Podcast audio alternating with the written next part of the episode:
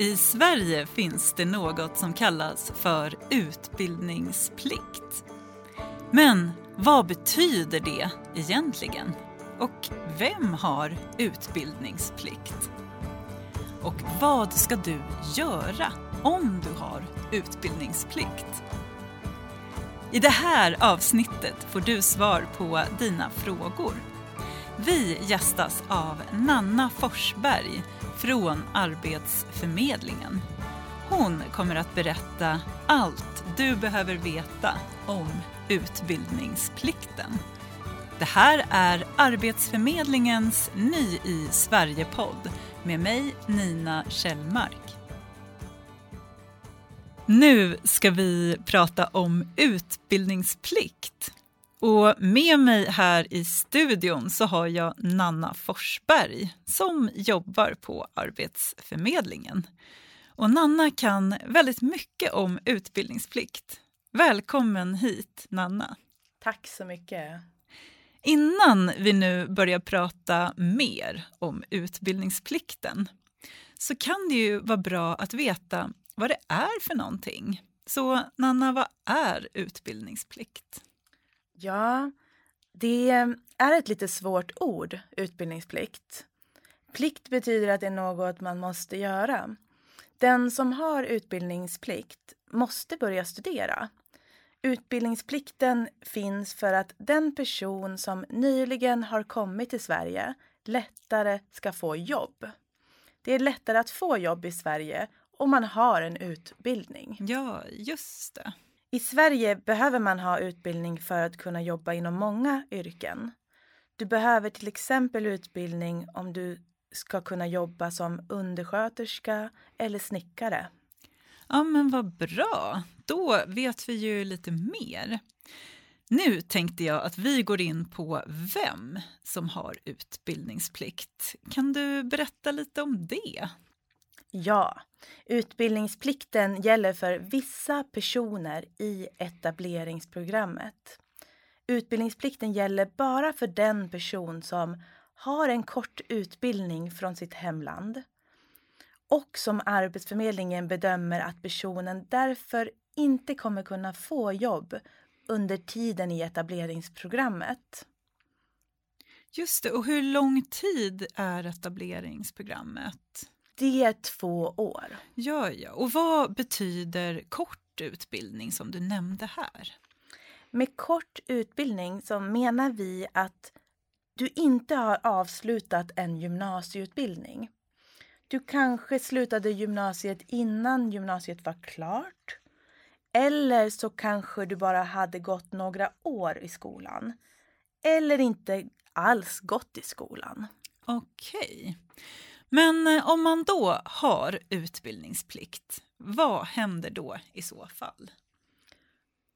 När du är med i etableringsprogrammet så, har du, eh, så, så är du med i aktiviteter.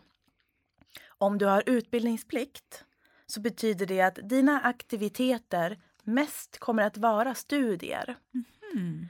Du ska då läsa SFI, alltså svenska för invandrare samhällsorientering och studier på grundskole eller gymnasial nivå på komvux eller på folkhögskola.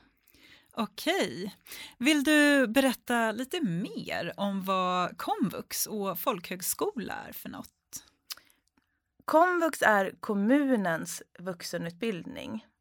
Det är alltså en utbildning för vuxna. Folkhögskola är också en skola för vuxna. På komvux och folkhögskola kan du läsa sådana ämnen som man läser i grundskolan och gymnasieskolan i Sverige. Ett exempel på ett sådant ämne är matematik. Det kan också handla om att du läser en yrkesutbildning eller en kurs där du ökar din digitala kompetens. Mm. På en kurs i digital kompetens så lär du dig mer om hur du använder en dator eller internet. Ja, ja, ja, men vad bra. Nu tänkte jag att vi ska prata mer om vad som händer om man har utbildningsplikt. Hur vet jag vilka kurser just jag ska gå? Det är när du kontaktar din kommun som eh, ni tillsammans kan göra en plan för vilka kurser du ska gå. Det är olika för olika personer. Sen beror det på vilken kommun du bor i också. Olika kommuner har olika kurser. Ja, men det låter bra. Och eh, är det så också att man kan gå en yrkesutbildning på komvux, vet jag. Kan det ingå i, eh, i utbildningsplikten till exempel? Eh, det kan ingå i utbildningsplikten. Um, och vad är en yrkesutbildning för någonting? En yrkesutbildning är en utbildning där du lär dig ett yrke, ett specifikt yrke. Efter utbildningen kan du jobba i det yrket som du har studerat. Det låter ju bra. Och vilka andra sorters yrkesutbildningar kan det finnas? Eh, det finns många olika. Eh, det kan vara en utbildning för att bli eh, undersköterska, byggnadsarbetare eller till exempel kock. Mm. Just det. Och på komvux så kan man ju som du sa då också läsa andra kurser. Och du nämnde ju matematik till exempel och digital kompetens. Men vad finns det för fler kurser?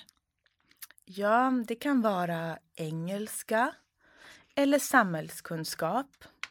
Det finns också kurser som handlar om arbetsliv och arbetsmarknad i Sverige. Det är några exempel då. Eh, det kan vara så att man till exempel läser några olika kurser som till exempel matematik och engelska och senare läser man en yrkesutbildning.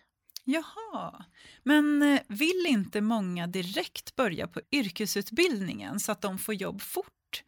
Och då kanske de tänker, varför ska jag gå andra kurser på komvux innan jag kan börja på min yrkesutbildning? Ja, precis. Det, det är sant. Så tänker nog många, det tror jag. Kurserna på komvux ska hjälpa personen att öka sin kunskap eh, och förbereda sig inför den yrkesutbildning som han eller hon kommer att läsa eh, sen.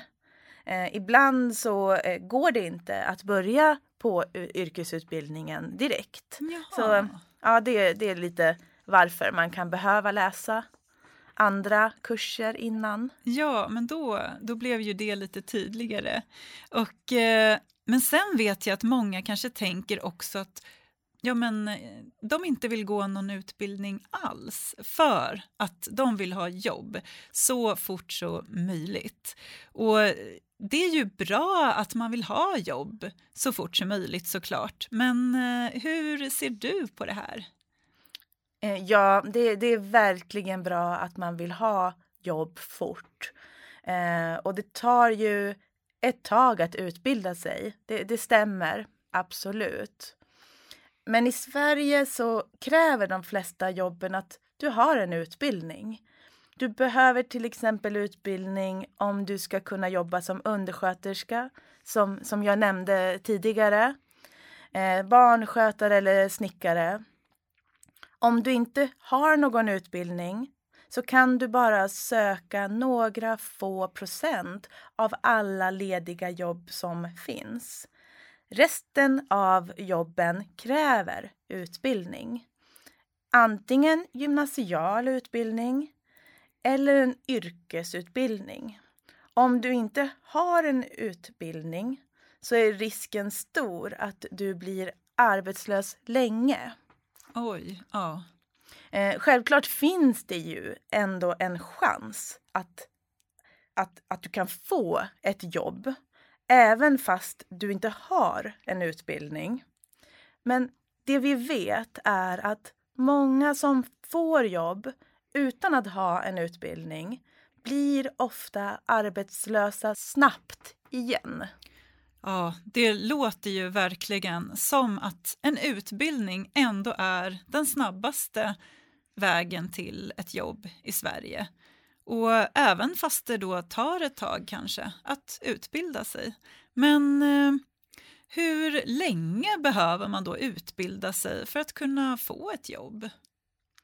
Det, det är väldigt, väldigt olika hur lång tid det tar. Så det går, det går inte att svara på. Eh, men när du kontaktar din kommun så kommer eh, du få veta vilka kurser de har och vilka kurser du kan gå. Och då vet du lite mer om hur lång tid det kan ta. Ja, ja.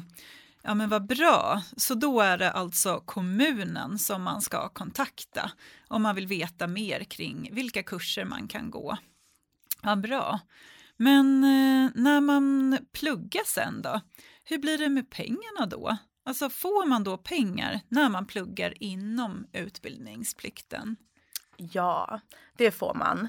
Eh, eftersom man är med i etableringsprogrammet. Eh, så man fortsätter eh, att som vanligt söka etableringsersättning från Försäkringskassan. Okej. Eh, det låter enkelt och bra. Och nu ska vi faktiskt strax avsluta här, men en sista fråga innan vi slutar är var vänder man sig nu om man har fler frågor om det här med utbildningsplikt? Om du är med i etableringsprogrammet och behöver information på annat språk än svenska så går det bra att ringa på nummer 0771 860 100. Eh, och annars kan du alltid ringa till oss på Arbetsförmedlingen på vårt vanliga nummer som är 0771 416 416. Just. Och båda, ja, båda de här numren de finns ju på vår hemsida ja, också. Ja, vad bra att du sa det. Jag tänkte precis tipsa om det också. Ja, Toppen. Ja, men precis. Ja, men jättebra. Det var den sista frågan. Och nu så vet vi ju verkligen mycket mer om utbildningsplikten. Så stort tack Nanna för att du var här idag och berättade allt det här för oss. Ja, men tack själv Nina. Du har lyssnat på Arbetsförmedlingens Ny i Sverige-podd med Nanna Forsberg och mig, Nina Kjellmark.